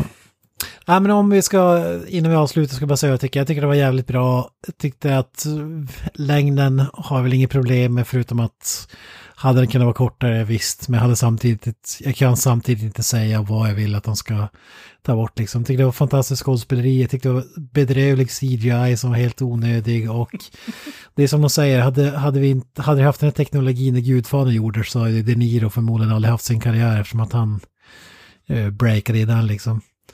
Eh, Så, så jag är ju emot den här, jag hoppas verkligen inte att det blir en trend nu att alla filmer kommer ha det. Dramafilmer också kommer ha CGI, inte nog att vi har jävla Marvel och Transformers och alla de där utan även den här. åh nej, det här innebär ju att Hugh Grant kommer ha en karriär tills han dör för fan. Herre jävlar. ja, fy fan man. Vad har du emot Hugh Grant nu då? Ja, jävlar vad left field den var, alltså Hugh Grant. Ja, fan. Poddens husgud. Det, det, det var liksom, vil, vilken obskyr skådespelare som var populär på 90-talet kan vi dra upp igen. Dramaskådisar och tänk Kalle Hugh Grant. Love actually. Ja, fy fan. Fan, han pissar på Hugh Grant, jag vet inte vad jag tycker om det här. Nej, nej, fy fan. Skrivit Nej, jag säger, jag säger riktigt bra, åt- 8,5 av 10, sjukt bra, gill, älskade filmen eh, rakt igenom. Finns väl några eh, detaljer som inte var lika häftiga när de rör sig och så vidare, de här grejerna. Förstår det illusionen lite och jarring CGI till och från, men riktigt bra film tycker jag. Ja. Jag ligger väl någonstans ungefär likadant. Jag skulle sätta en 8, 8,5. Jag tyckte den var sjukt bra och när det kommer till maffiafilmer som har sett så är det väl det, det här kanske i toppskiktet, där är en av de bättre tycker jag. Eh, ja. Allt, allt förutom CGI och det, där- de här stelopererade rörelserna som de bjuder på. Det, det är kanske de som hade det. Hade man ju löst det på något bättre sätt så hade jag, fan, då hade jag nog kunnat dra upp betyget till en typ 9. Så, eller något sånt där. Eh, För, och som, som sagt, det här CGI är väl lite svårt hur man skulle som lösa det. Jag kan inte riktigt säga, men den drar ändå ner betyget ett snäpp. Men ja, jag ligger ungefär som Kent där, 8, 8,5.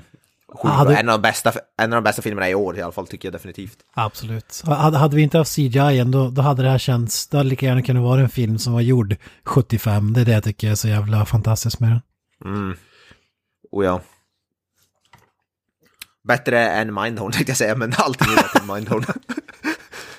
Snäppet bättre ja. ja, snäppet bättre. Jag tror, jag vet inte fan om jag tycker att det är en Oscarsvinnare, men alltså kravet för att vinna en Oscar idag är så jävla lågt så varför inte? Jag vet inte. Ja. Jag tror definitivt, det är väl därför den hade, de la upp den på bio på vissa ställen för att de skulle kunna, den hade väl kanske inte gått upp på bio alls annars Ja. om, de, om det inte var ett krav. Det här är 100% Oscarssatsning av Netflix, det kan man ju säga. Ja, ja, ja. Oh ja. Och det tycker jag väl ändå definitivt, som sagt, Joe Pesci framförallt förtjänar men jag tycker även Robert De Niro och Al Pacino är magiska också tycker jag. Så. Men Kalle, vad, vad, tyck, vad skulle du säga? Alltså, ja, jag vet inte riktigt. Det, det finns vissa delar med filmen som jag tycker är riktigt, riktigt jävla bra. Men sen så blir det ju som Kent säger, det, det är lite drönande. Men så här, på rak arm efter att ha sett den eh, en gång nu, liksom i två sittningar, så kan jag inte med på rak arm säga vad jag vill ha bort från det här. Men det känns som att man behöver dels kanske se över uppbyggnaden på filmen lite. För alltså den känns som att den är lite, apropå, det, det svängs fram och, fram och tillbaka istället för att det blir, blir något större fokus. Eh, att man följer någon form av end, end, alltså slutmål istället för att det blir på något sätt bara happenstance med att det är relationskaraktärer och lik, eh, mellan karaktärerna och liknande. Även om det är underhållande till och från så blir det lite, det blir lite väl långdraget under tre timmars tid, eh, tycker jag i alla fall. Eh, Men eh, överlag, ja, eh, jag- om jag får fortsätta eller vill du köra in någonting med det? Ja, men jag tänkte bara säga, jag, jag håller fan med där, alltså man hoppar, det, det är faktiskt en kritik jag har, de, man hoppar för mycket. Och sen är, är det så svårt i och med CGI, eftersom att kropparna ser ut som 80-åringar och CGI skiljer sig inte jättemycket från typ, säg, de hoppar 10-15 år, så det är svårt att veta hur gamla de ska föreställa vara. Ska de föreställa vara 40, 80 eller alltså den biten. Ja men hur som helst då, eh, det känns som att eh, spontant sett så är det någonting, eh, jag vet inte riktigt, det känns som att dels vill Scorsese få ut så mycket om, som, om möjligt som den här boken. Men samtidigt så känns det som att han har gått direkt från eh, skrivbordet in till att ta upp kameran och gå ut och göra saker. Istället för att han har fått eh, folk som har sagt, genom ge lite feedback och liknande. Det känns som att det är lite ofiltrerat vad han vill få ut på skärmen bara, vilket både kan vara bra och dåligt i det här läget. Men annat än det så tycker jag att skådespelarprestationen från Pesci är helt underbar. Eh, väldigt ovan att se honom i det här läget. Kul att se att man kan komma ut ur retirement och sen bara fucking nail it eh, ur tomma intet. Så det ska han ha riktigt stor cred för.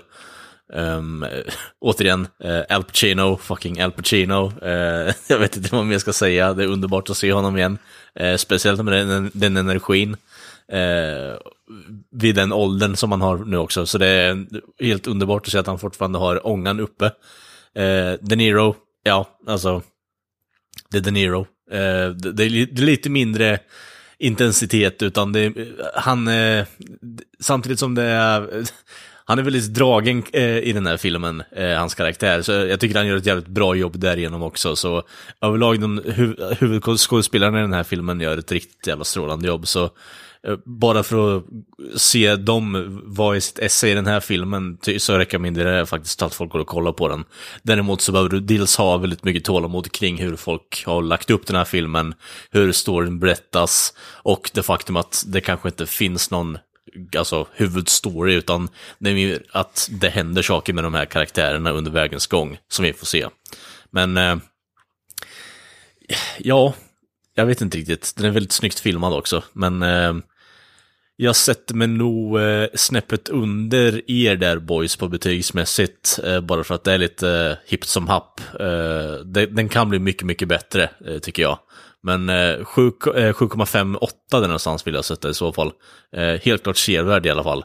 Eh, och det finns riktigt, riktigt bra grejer med filmen i nuvarande läge, men eh, jag tror inte det hade gjort filmen eh, någon, eh, eh, eh, alltså, otjänst kan man väl säga, eh, om den hade blivit lite omklippt och eh, man hade gått tillbaka till skrivbordet lite. Mm, känns det som en enda stor tidskapsel från Scorsese till oss som inte var med Mm. the days. Alltså. Nej, lite så. Mm, mm. Ja. Vidare till Irish. nästa... Eh, eh, Från Joker. Scorsese till Scorsese wannabe eller? Ja, Ja. Precis. En blek så. kopia av Scorsese kanske. ska jag säga. Nej, det ska jag inte påstå, men... ja. Alltså inspirerat av Scorsese är det ju till största del, men... Definitivt. Ja. Alltså- Man kan ju ha sämre inspirationskällor också. Jo, det är klart man kan, men eh, alltså, vi måste ju nästan till alltså, skicka in det här på copyright eh, claim-människorna egentligen, för god damn alltså vad de uh, rippar Taxi Driver och eh, King of Comedy alltså. Ah, King of Comedy, herregud alltså. eh, Ja. Jösses.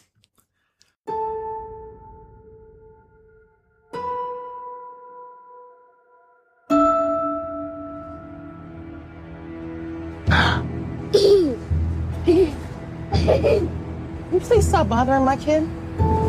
Sorry. Arthur, I have some bad news for you.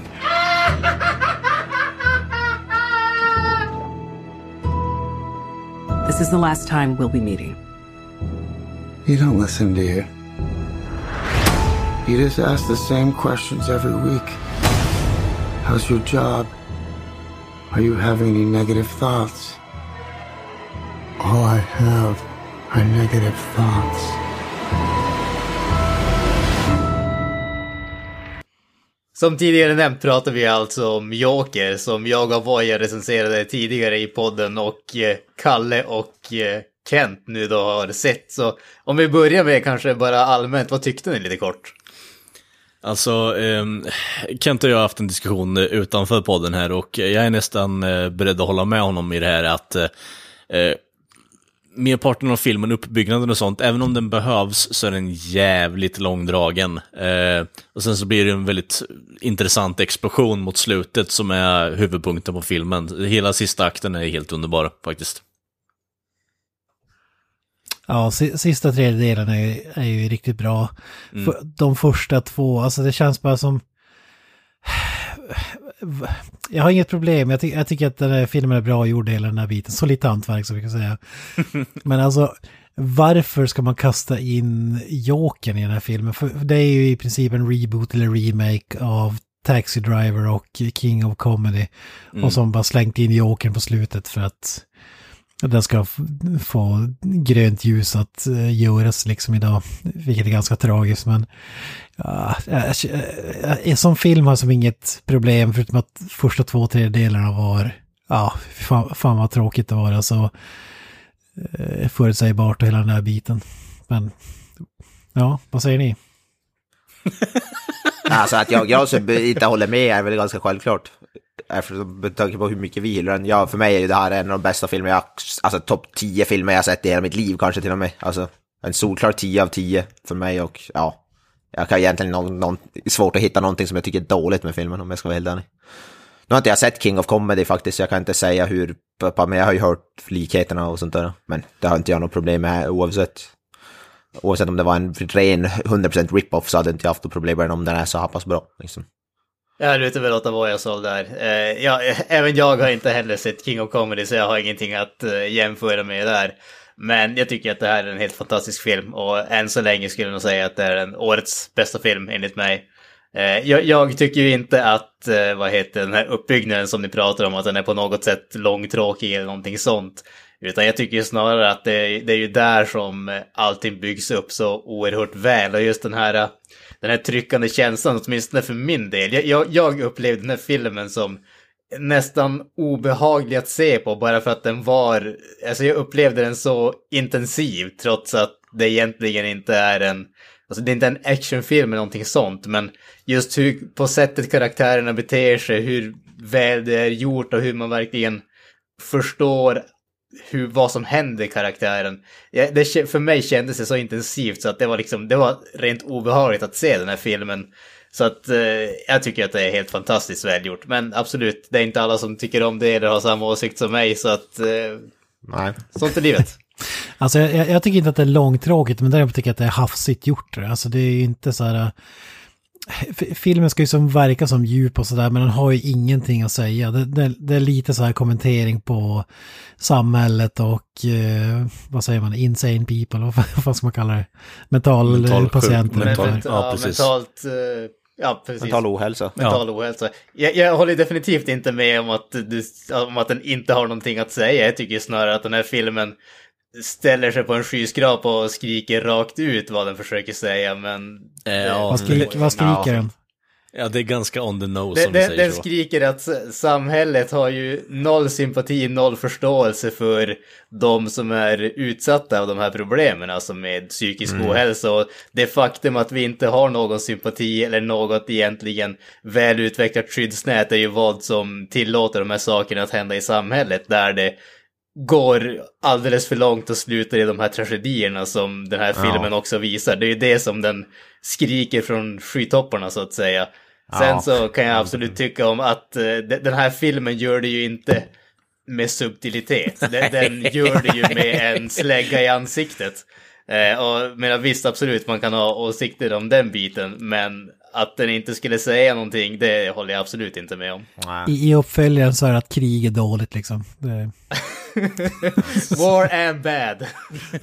Det spelar ingen roll att det inte är Saddle, det fattar förstår jag inte varför det skulle vara en kritik. För Ja, är men det bra så spelar Den det är så ingen roll. jävla, liksom. när det ligger så här tidningsartiklar med typ Eat the Rich överallt och så, jaha vad fan ska vi göra det då? Så är det bara, ingen mening alls, bara att typ regissören trodde att det var djupt och coolt att ha med det. Och så det här med att han har sitt jävla anteckningsblock blir ju som ett exposition-block. Alltså, det, filmen har varit mycket bättre om man inte hade haft det jävla blocket och skrivit typ ja, mental... Problemet för att de var mentalsjuka är att alla andra bla bla bla. Alltså de där grejerna. Så fan, den är, Ja, den är så jag- jag jävla on jag the tycker- nose alltså. Ja, alltså det, visst, det är on the nose, men jag tycker om det därför att det visar ju tanken. Alltså det, grejen med det där hade ju varit att antingen så hade du haft det där exposition-blocket eller så hade du haft liksom en berättarröst som är hans tankar ungefär. Det, det är ju typ det. Och, och av de valen så gjorde de det bättre valet tycker jag Ja, absolut. Och jag, jag tycker tyckte jag. om det där anteckningsblocket. Det, det var tycker det ändå var någonting som var annorlunda tycker jag jämfört med vad vi får i de flesta andra filmerna. Jag tycker att man det helt för man förstår ju exakt vad som hände utan att... Eh, Ett annat, för det här är spoilers också så vi spoilar ju. Det, det, Spoiling the shit out of this. det, det, är en, det är en kvinnlig karaktär, hans love interest som helt uppenbart från början inte är på riktigt. Och, och sen när man ska göra den här revealen, det, det räcker inte med att visa så här att eh, den här sista scenen han kliver in i hennes lägenhet och hon har ingen aning vem han är, utan då måste man visa flashbacks från när de typ satt på sjukhuset och så visar de en grej där han sitter på sjukhuset och hon tröstar honom och så klipper de till när det är tomt, han sitter bara där själv. Och så är det en annan scen när han sitter vid något jävla bord med henne och så sen klipper de och så visar de honom själv. Alltså, det är det som är den här filmen. Alltså, fan, gå hela vägen i så fall om du ska, om du ska försöka göra någon djup grej, inte så här exposition-grejer som, är så- alltså, det här var ju typ taxi drivers för idioter känner jag. Alltså, Alltså, jag, kan, jag, tror, jag tror aldrig jag har hört en person ha mer fel än du har. Ja, just den revealen håller jag helt och hållet med. Alltså, den, den behövdes verkligen inte. Det hade varit bättre om det bara hade spelats alltså, helt deadpan. Att han kommer in i hennes lägenhet helt dränkt och bara, vem fan är du? Jaha, det är du som bor där ja. Och bara, ah, Eh, han har haft delusions Ja. of grandeur och tror att han har varit eh, ihop med henne och gått in och haft sex med henne och whatever fuck liksom. Det hade varit så mycket, Ja. mycket bättre om det bara hade spelats deadpan att hon avvisar honom, han går därifrån och ja, går djupare och djupare in i de där mörka tankarna som han har. Eh, Det hade varit så jävla mycket bättre faktiskt. Håller helt och hållet med. Jag, jag, jag, till, till viss del kan jag förstå eller hålla med dig. Men en, en bit av mig tänker också så här att undra om orsaken till att, eh, till att de gjorde det så extremt övertydligt som de gjorde det är för att de inte vill lämna någon sorts ambiguitet till vad det var som hände. För Alltså, det, det har, ju- för det, har ju- Men för, alltså, för, det, har ju- ja, jag men kan... det har ju varit, för det har ju varit så extremt mycket om just det här att ja men fi, filmen uppmanar till det ena och det andra och det är väldigt uppenbart när man ser filmen att den inte gör det men att det, det var liksom bara sån där bara att ja, gör, gör vi inte det här övertydligt så kommer folk att tolka det på ett helt annat sätt. Jo, men alltså jag kan tycka att, Jo, men jag kan tycka i så fall att är det så att du, folk väljer att te- eh, tolka det på ett helt annat sätt så blir det på något sätt ännu ett bättre eh, statement med den här filmen. Att vad är det som säger att jag inte har mental ohälsa eller något liknande i så fall då? Att ja, men, eh, det, det här är ju ett helt fungerande alltså, förhållande liksom, vilket det inte är överhuvudtaget. Det är någonting han har hittat på. Men jag kan tycka att det den här filmen har potential att kunna bli en sån här djup diskussionslagd film egentligen, men den, som Kent säger, den, den går inte hela vägen ut kring vad den skulle kunna vara. Vilket jag tycker är väldigt tragiskt egentligen, med, med tanke på att det finns väldigt bra material i den här filmen. Gör det. Väldigt bra material. Ja, alltså det, det där är vad Taxi Driver eller King of Comedy är om den hade gjorts idag. Det är precis vad den är, med en släng av superhjälte-touch. Ja. Men det är det som är synd. Men om man, om man säger slippa spekulationer och det här, alltså det finns ju för fan, alltså slutet på filmen är ju, det, det är ju en facepalm. Alltså, eh, som jag det går ju att tolka filmen på hundra olika sätt först givetvis. Men som jag tolkar den så har ju hela filmen inte ens hänt. Alltså sista scenen är första scenen i filmen, jag vet inte vad ni säger men det gör ju bara filmen så här, eh, ja. Ja, men det finns ju massa sådana spekulationer om att det ska inte ha hänt eller att det... Ja, men det är, det är som sagt, jag, jag vet inte, jag fick inte alls den tolkningen. Jag fick det som att han, att de, efter allt som hände så blev han intagen på mentalsjukhus och sen, vad heter det, be, be, berättar, men sen går det även att tolka på det sättet att han, hade som inbillat sig hela filmen också. Det, som sagt, det finns inget definitivt svar på det. Eh, Och regissören som, baksmälla regissören, geniet, har ju, har ju sagt att han ska avslöja slutet om några år. Vilket innebär att han vill att den ska hypas och folk ska tycka att det är smart fram tills han berättar vad det egentligen är och alla bara sätter pannan i djupa veck och undrar vad fan han... Om det nu, om det nu ens finns en så officiell, det kanske, han, han kanske bara också, han kanske inte ens har något definitivt svar än. Han kanske kommer på ett sen, bara, ja just det, så här kanske Han behövde några år för att tänka ut det. Fast Exakt. ärligt, ta- ärligt Vad fan är det jag har gjort? Ärligt talat så Vad fan är det jag gjort? Bra där. fan. Alltså så här, om jag hade gått från att se, vad fan heter den här usla Joker-filmen nu, Jared Leto. Suicide Squad. Suicide Squad. Suicide Squad till att se den här. Visst, fantastisk uppgradering. Vi går från sämsta Joker någonsin till en helt okej. Och eh, ja, då hade det kanske varit mer i- imponerande. Men nu har, nu har man ju som förträngt den ur, ur minnet. Och det är väl det som känns bästa med den här filmen. Att den Jared Leto-karaktären kommer förmodligen aldrig eh, eh, leva igen efter, efter att eh, Joaquin. Phoenix har gjort den här. Hoppas jag i alla fall. Så jag tycker väl, jag tycker nog det här är bättre än helt okej för mig. Det här är typ bästa skådespeleri, eller ett av de bästa spel- skådespelerien jag har sett på vita duken på, ja, Men- ja någonsin kanske. Men du, Alltså det är toppskiktet. Mr. Voya, du älskar ju också den filmen. Jag älskar den också. You were never really here. Joaquin Phoenix. Mm.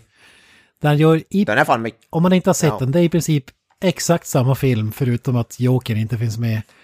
Ja, de är jävligt lika där. De. Ja, det, det är en eh, Taxi Driver eh, re, re, reimagination det också. Och där, den föredrar jag alla dagar i veckan fra- framför den här. Så det, det, är ju, det, är ju, det, är ju ta, det är ju Taxi Driver den och det här är King of Comedy typ. Ja, det väl precis. Typ det, Men jag tycker fortfarande båda filmerna är bra. Alltså jag älskar You Were Never Really Here, är ju en av också en av mina favoritfilmer för den, det året när den Ja. kom ut. Liksom. Men, Men det jag ska säga Jag att inte, tycker- ha- hade inte Joaquin Phoenix gjort den och vi inte hade sett den här sidan av honom, då hade det varit än mer imponerande. Nu när man har sett exakt samma prestation liksom, det blir inte riktigt lika så här...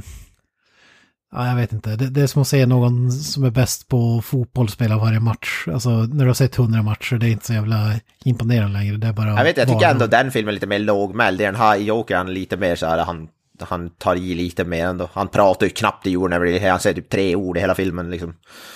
Han är ju knappt, i den här ändå, får han ju ändå visa några typer av känslor i alla fall. I den så slår han ihjäl folk med hammare, det är typ det han gör. Jag tror, ja, jag tror vi är jag tillbaka tycker- så här, äh, när man ser till superhjältefilmer, visst det här är bland de bästa som har gjorts. Förutom Dolph Lundgrens Punisher och eh, Blade Tronson. Blade så, 2. så, så är det ju, men om vi, om vi går till vanliga filmer inom citattecken, le, leker lite Scorsese här, så, så, så kan jag inte ranka den här särskilt högt alltså. Jag vet inte. Ja, Ja, alltså, jag så, som, jag, som jag sa eh, när jag körde min recension tidigare.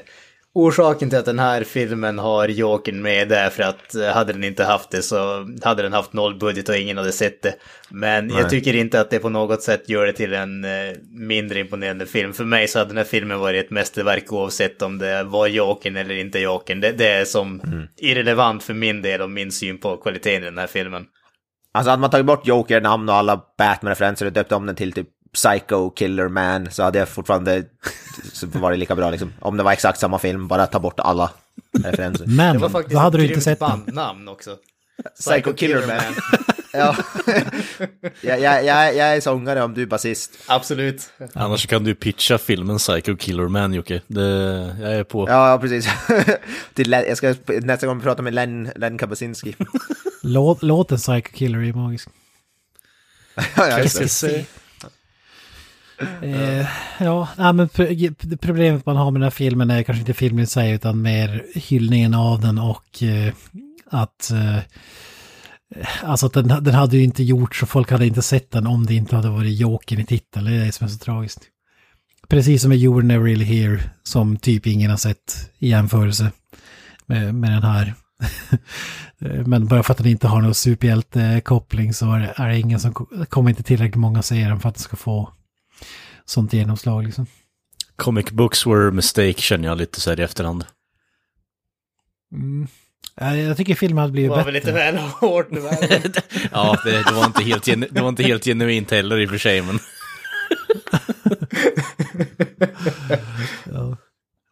Nej fan, jag längtar tills jag får se om den här filmen. Det är redan förbokat på Blu-ray och allt, den, hela den där biten. Så jag är skittaggad på att se den igen. fall. Jag med. Det är det enda jag kan säga. 10 av 10 som sagt, jag gav den, det, det står mig fortfarande i alla fall när jag tänkte tillbaka på den. Ja, det är så sjukt över betyg så jag vet inte vart jag ska ta vägen. Alltså. Du gav Ram, nya Rambo 9 av 10 så jag tycker du inte kan behöva säga något. Det där var ju en djup film. Ja, ja, ja, ja, där snackar vi djupfilm nu. Inget ont om Rambo förstås. Alltså hade, hade Joakim Phoenix halat fram en Rambo-kniv, visst. 10 av 10. Men, Hade den här filmen hetat Rambo 5 så... exakt. Hade varit Stallone. Jag hade den hetat jo, jo, Joker Final Blood eller något sånt där. Men, men när vi är inne på den, den här filmen. Jag ställde frågan när ni pratade om den sista, att sk- skulle gå att introducera Batman i den här filmen? Och det går ju inte av en anledning att den här Jokern är så jävla efterbliven så att den skulle aldrig kunna spöa Batman på något sätt. Det finns ju varken fysiskt, mentalt eller eh, på något plan liksom, eller någon annan som har någon annan åsikt. Ah, alltså det är ju, ja, för mig ser jag att han blir någon typ av, att det här är bara upptakten till det. I den här filmen är han ju inte så jävla smart, han gör ju mest saker så här på impuls, men det är väl det som är hela grejen med Jokern, liksom han, han tänker inte, eh, alltså han är ju lite så här, gör grejer på impuls lite grann och sådär. Så inte, jag, inte vet jag. Som sagt, men vi sa ju den, jag, nu hade det gått att stoppa in den i Batman-filmen samtidigt, så samtidigt inte. Liksom, det är som, allt går om man vill liksom, men Om man sen s- behövs det ju verkligen inte. Om man säger så här, den här karaktären är mer på väg åt Caesar Romero-hållet än den är åt Heath Ledger-hållet, om man säger så. Ja, jag vet inte om jag kan hålla med om Ja, jag vet inte om jag håller med om det jag heller. Nej, jag tror inte det.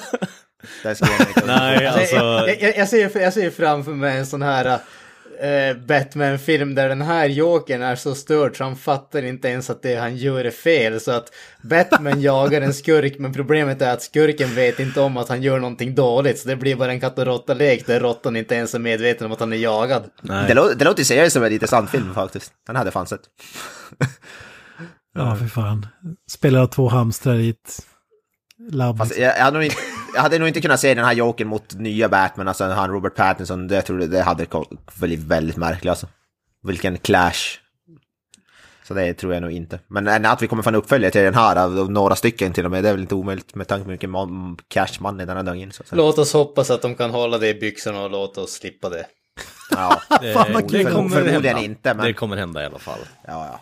Ja, nå, det kommer bli något. Joakim Phoenix har ju sagt att han inte vill göra en uppföljare, men alltså fan, de kommer ju hota dem till livet, punga in så mycket cash att det kommer hända. Och jag är så jävla nyfiken på att se vart man ska ta det vidare. Alltså. Alltså, det, de, de kommer att göra så här, de kommer att knacka på dörren och så kommer man öppna den och så kommer de att se liksom suitsen som står där de kommer att säga jag kommer aldrig att göra det och så kommer de att säga om du inte gör det så recastar vi dig med Jared Leto igen. ja Alltså, precis. nej, det kommer sluta med att de kommer gå Vi, dit. ta, vi använder Cesar Romero hologram. Nej, det, det som kommer hända är att de kommer åka dit till Joaquin Phoenix, eh, knacka på hans dörr, säga att nu jävlar skriver du på, och då kommer Joaquin Phoenix, eh, crazy ass motherfucker som han är vanligtvis också, dra kniv på folk och eh, bli Jokern på riktigt. Alltså, mängden pengar de kommer vifta framför Joaquin Phoenix ansikte för att göra en uppföljare kommer vara, alltså det kommer vara sinnessjukt alltså. Eller så kommer den uppföljaren ha en budget på typ 200 miljoner och så kommer de att göra en Peter Cushing fast med, eh, Heath Ledger. Ja, ja precis. det, är det jag sa, Hol- eller hologram Cesar Romero typ. Liksom, fan. Ja, Jag ser framför mig när de har Snabbt. renderat den där skiten liksom och eh, de, de det fastnar liksom på ett uh, voice sample bara Wanna know I got these scars, scars, scars, scars, scars liksom. De gör en, de gör en vad heter det, so, songify this av det, av det. Ja, autotunad, autotunad joker. Fördelen med att Jokern är sminkad och så vidare, du kan egentligen stoppa i vem som helst. Kan vara, Oa, I'm the Joker! Ja, Al Pacino! Du Fan, kan- jag hade fan velat se en joker, Al Pacino som joker. Fan vad bra det hade En varit. de-aged Joker liksom. Det hade ju... Hurra! Do you know I got these scars motherfucker? Alltså, vart får du att de säger motherfucker margaritas. alltså. hela tiden? Alltså, god damn. Scarf, Scarface, fan säger han inte, han säger typ motherfucker i varannan mening i den filmen. motherfucker! Cumberbatch. Bruce, you sucker! Tell me I'm goddamn horse. Åh, vad säger vi om, oj oj oj, när de crowbarar in Batman i den här storyn. Batman fem barre, Ja, då, herregud. ja. Alltså, Ja, det är inget större problem, problem med det. Var en, jag vet inte. Det, alltså, det var inget, alltså det, att det skulle hända på något sätt, det var ganska förväntat. Det var, jag har varit inte förvånad eller besviken. Alltså, Måste men- Bruce Waynes föräldrar skjutas i varenda film som görs alltså? Hur många gånger har de blivit gunned down? Jag vet inte. Ja, Men det är tänk synd, dig, det är alltså, har, har man inte sett det så vet man ju inte om att det händer och att det är av extremt stor vikt. Så vi måste se det varje gång det görs en film i det här universumet. Ja, det är otroligt viktigt för Jokers origin story att vi får se Bruce Ja. Waynes föräldrar bli Det, gunned. det, det är ju en annan grej, han kan ju omöjligt vara samma Joker som möter eftersom Jokern och Batman brukar väl hyfsat vara så här ålders, samma ålder, inte vara jättestor åldersskillnad och här är ju typ Joker vadå, typ 40 50 år gammal, alltså. ja precis. Ja. Fan vad bra. det definitivt- om, man möter Joakim liksom, han är så här 80 bast liksom. Batman in his prime så här 35 och bara slår sönder fanskapet. Alltså, alltså det hade fan kunnat bli cool, jag tror det är Old Man Joker. jag tror det. 50 years ago we met in a tunnel. Men det är det jag har hört också, att det här kan vara typ den här Jokern i den här filmen är nödvändigtvis inte den Joker som Batman möter, utan det kan vara någon sån karaktär som inspirerar den riktiga Jokern och bla bla bla. Det finns så många sådana teorier liksom. Vi, vi kan ju ta vilken ju- teori ni kör på, men alltså bara tanken att Jokern vid 50 års ålder skulle vara typ mentalt efterbliven, aldrig hållit i en pistol och gå till så här äh, spränga sjukhus och ta över världen och eh, liksom bli en mastermind. Det, det finns inte på världskartan. Så därför, därför ska jag, där, den teorin som du nämner nu är mer trovärdig, att det här inte är riktigt Joker. Eller min teori är att filmen har aldrig ens hänt. Det finns bara i hans huvud. Och sen när det där samtalet äger rum kan man ju sätta när som helst. Det kan ju vara Alltså i nutid, det kan vara för 50 år sedan, det kan vara Batman kan ju vara vuxen ålder och ha härjat i Gotham Ja. liksom, den biten. Alltså men det, det är en av de grejer som jag gillar med den här filmen, att man inte vet det. Den har ju inget definitivt svar på vilken Joker det är och när den utspelar sig, om vad som är riktigt och sådär. Det gillar jag, så att bara fan, den kan få existera utan att den behöver ha någon koppling till någonting. Det, Ja, för det, det skulle ju i teorin då det, kunna vara typ Jokern finns redan och den här personen önskar att han vore Joker så därför drömmer han Ja, om det här. typ. Typ. Exakt. Det kan vara någon helt orelaterad liksom. Och det, det, det tycker jag bara är en, en fördel med den här filmen. Jag hade gillat den mindre om det var så här eh, eh, exakt, ja det här är den här jokern som blir Heath Ledgers joker, The Dark Knight eller något sånt där. Liksom. Ja, det är just på grund av den här anledningen egentligen som jag känner att eh, det är Todd Phillips eh, som har eh, regisserat, eller hur? Ja, ja. Ja, eh, ju- just av den här anledningen känner jag att Todd Phillips inte bör gå ut med det definitiv slut liksom på, eller förklaringen Nej, på vad det är som händer. Det är bättre att hålla det här ambiguous med tanke på att Ja, ja. Det, det blir så mycket bättre i slutändan faktiskt. Jag tror att Mr. Avoyas och Granströms betyg sjunker med sju punkter när han kommer ut med hans förklaring tror jag. Eh, Ja, ja. Alltså det kan, förstö det kan förstöra mycket av mag magin med filmen, det kan jag definitivt hålla med om. Det är typ som om Tarantino skulle gå ut med det här, typ Pulp Fiction, vad som egentligen ligger i den här lådan liksom. Alltså 100% så det, det är det här som är i lådan. He, he, was hang, he, was, he was just hangover, the real Joker was on the roof. ja, precis. Nästa film kommer vara det- vad alla skurkar, de ska leta efter Jokern, det vad det, Pengvinen och Ice, uh, Iceman och alla, Mr. Freeze och alla. Den hade velat säga Vad för det- skurkarna drar till Vegas och super skallen av sig tillsammans med Jo, alltså det... Få Rufus och ta Rufus och slåss med Michael, Mi- Mike Tyson och ha en tiger på rummet och allt möjligt. Fan vad kul det hade. Fan vad bra den filmen hade varit. Alltså fy fan. Åh, det, det, är så, Hangover Gotham det edition. är så vidrigt att se allting bli kannibaliserat alltså, för fan. Vad guld. Shut up and take my money. Ja, man måste ju faktiskt säga att han ändå gjort det respektabla filmer. Old School är ju bland de bästa filmer som någonsin har gjorts alltså. Den är ju faktiskt underbar. Ja, den är fan 10 av 10 där kring alltså. Om man hade haft det djupet med i den här filmen så hade det blivit mycket bättre. ja, precis. Will Ferrell som Jokern då eller? Eller Luke Wilson eller vad det heter. Men Gr- Granström och Kalle, vad säger ni? Vilken teori, eh, när ni har sett filmen, vad, vad tror ni att eh, förklaringen är? Alltså det är fan, jag är lite oklar på det där egentligen. Jag tror jag behöver se den igen bara för att se de här olika teorierna. Första tittningen så tänkte jag mer på att ja, men, han har blivit intagen på mentalsjukhus liksom efter det här. Eh, och sen så har han ihjäl sin eh, eh, terapeut, om man kan kalla det liksom. Eh, och sen eh, end credits liksom. Det, det är lite så jag tolkar det i alla fall. De här extra teorierna som ni pratar om har jag inte läst på eller jag har inte märkt av det heller när jag väl såg det, så jag tror jag fan behöver kolla igenom en extra gång när den väl kommer ut igen, bara för att få den kopplingen också. Alltså jag hade inte läst på någon teori när jag bara slog fast när man såg filmen, att det var så jag tolkade filmen, att eh, Okej. alltså sista scenen är första scenen, det måste ju vara så. Men sen alltså om man säger den här jokerbiten när han liksom hyllas i slutet av de här, det kan ju aldrig ha hänt. Om man tänker på att det är samma mode som eh, de andra tidiga grejerna, är med i talkshowen och så här, det är samma grejer där i de scenerna, så, så de kan väl ändå slå fast på något sätt att i det här universumet så har ju de grejerna aldrig hänt, utan det är bara hans önsketänkande, han skulle bli hyllad också. jo, men det är, Alltså, det är lite ja. det som är halva grejen också, att det är jävligt up in the air med tanke på att du har ändå introducerat att han har de här alltså, vanföreställningarna, att han tror att han är störst, bäst och vackrast på stå upp, alltså scenen egentligen, eller att han har en förstående flickvän eller så vidare, eller så vidare. Jag är helt med på det, men alltså, jag vet inte riktigt, det blir så jag vill ändå få något avslut på den här filmen och det, för mig är det ändå bättre om han är på mentalsjukhuset och härjar fritt och runt omkring liksom att på något sätt är det en alltså, skock människor som är helt psykfall, de är bara för att de är förbannade på den rika eliten liksom och vill ta till gatan och ha ihjäl programledare och så vidare. Det, det blir nog på något sätt vettigt i mitt huvud, alltså det är i alla fall. Alltså, jag kan väl säga, jag, jag kan tänka mig att vissa delar är, ha- har hänt i filmen och vissa är typ det där att han hyllar som Kent säger, det kanske är i hans huvud, men att vissa att han, typ att han är en failad clown typ och stå-upp-komiker, det kan vara definitivt vara på riktigt. Liksom, varför, om man ska sitta och drömma och fantisera, de som vill drömma ju ofta som att, man, att han blir hyllad kanske liksom som att han är i talkshow och sådana där och blir världskänd typ.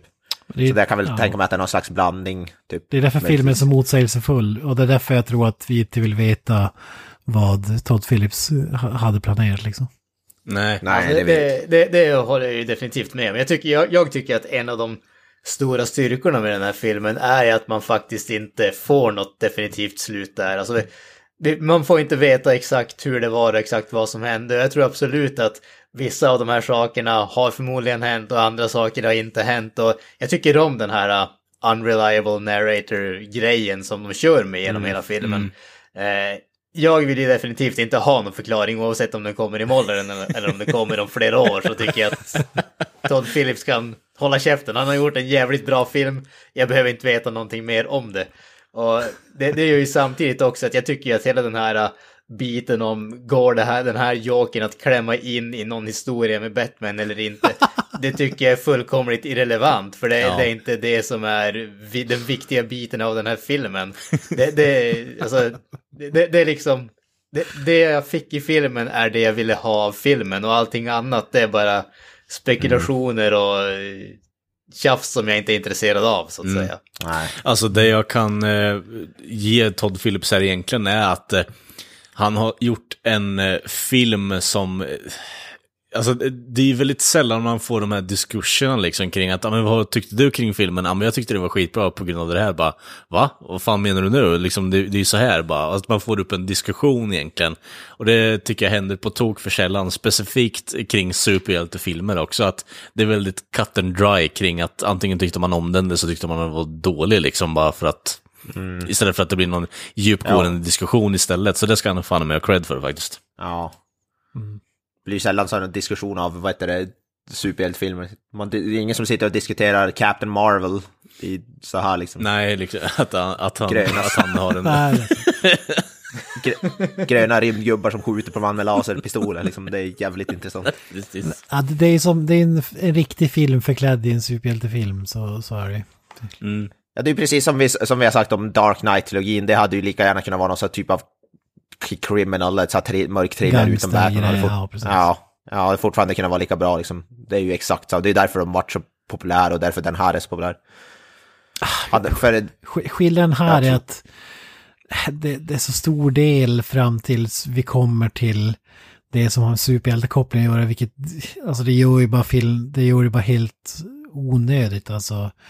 Men men med det sagt, det är lite motsägelsefullt här. Jag, jag tycker att den bästa delen är ju från den här trappan, eller scenen i trappan och sådär. Där börjar ju filmen för mig. Eh, riktigt jävla bra. Och där, därifrån tycker jag att filmen eh, gör det riktigt bra. Och eh, som sagt bitar innan också, där med att man, man förstår hur han känner bara för att jag lär känna honom och sådär. Men sen förstår man det där med att ta det jävla blocket och on the nose-grejerna och eh, att den, du har massa coola saker som man tror ska vara djupa och säga någonting men som inte säger någonting i slutet av dagen. Annat än att det här eh, samhället och mental sjukdom liksom, that's it alltså jag tycker ju den här Brock innehåller ett av filmens bästa citat där med I hope, my, I hope in death my life will make more sense than it did in life, eller vad det är. Ja, älskar det citatet, så det är så briljant. Det känns som att de sa den meningen olika. Vissa sa cents, alltså som i centpengar. Och vissa sa ju... Men det är det som är, det är det, det, är det som är så själva grejen, den har som två äggad betydelse. Han har ju skrivit det som cents, alltså med, som pengar i boken. Ja, men sen, precis.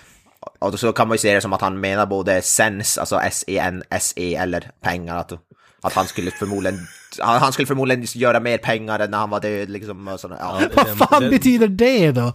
Den pann är det, Ja, den fucking pann. Hur, det är ett skämt. Ja, Ja, det är- precis. det Det är är, en mer det men- än att det är någon djup förklaring. Så. Det är en pann, men det är ändå samtidigt, ja, jag vet jag tycker det är smart. Jag tycker det är briljant. Men vi, vi...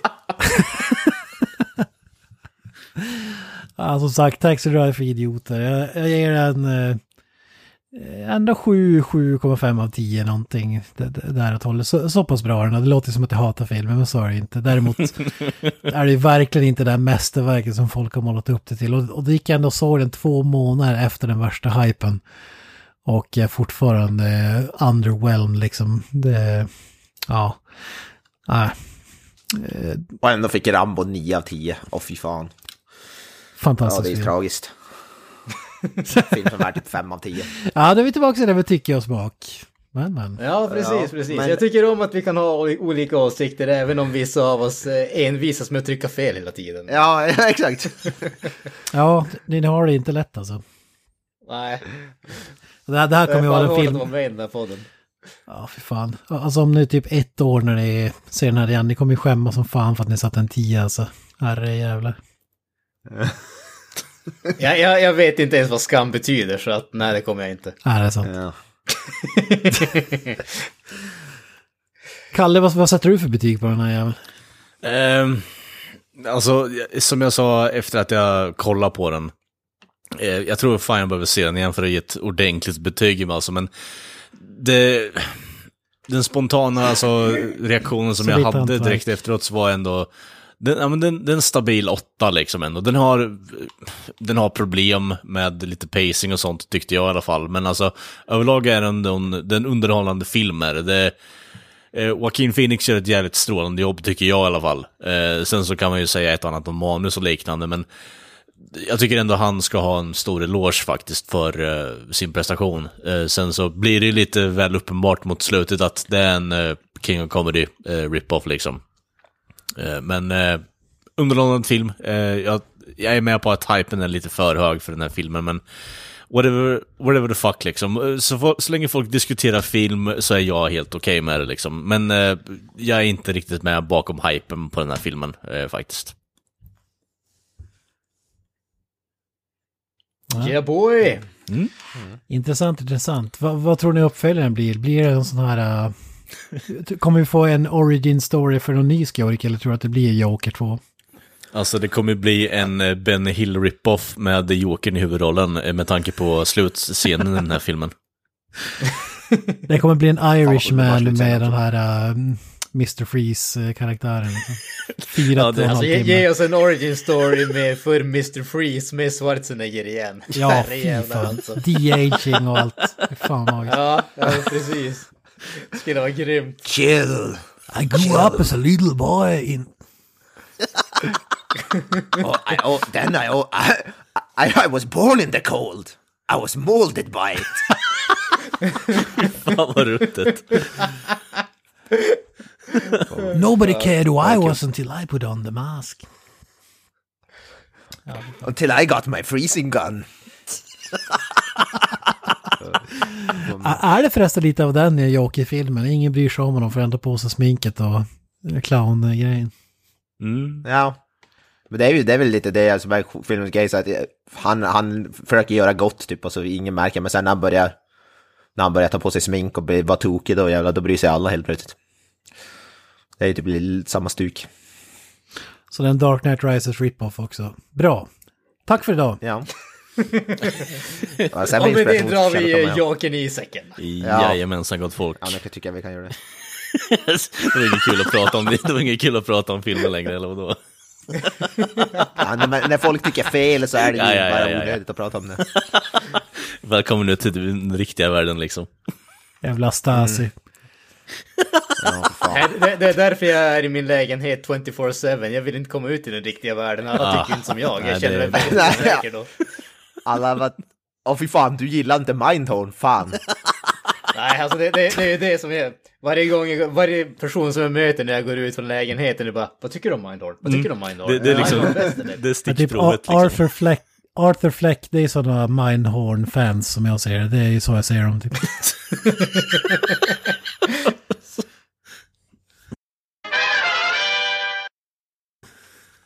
Ja. Ja, ja, nog om det här nu då.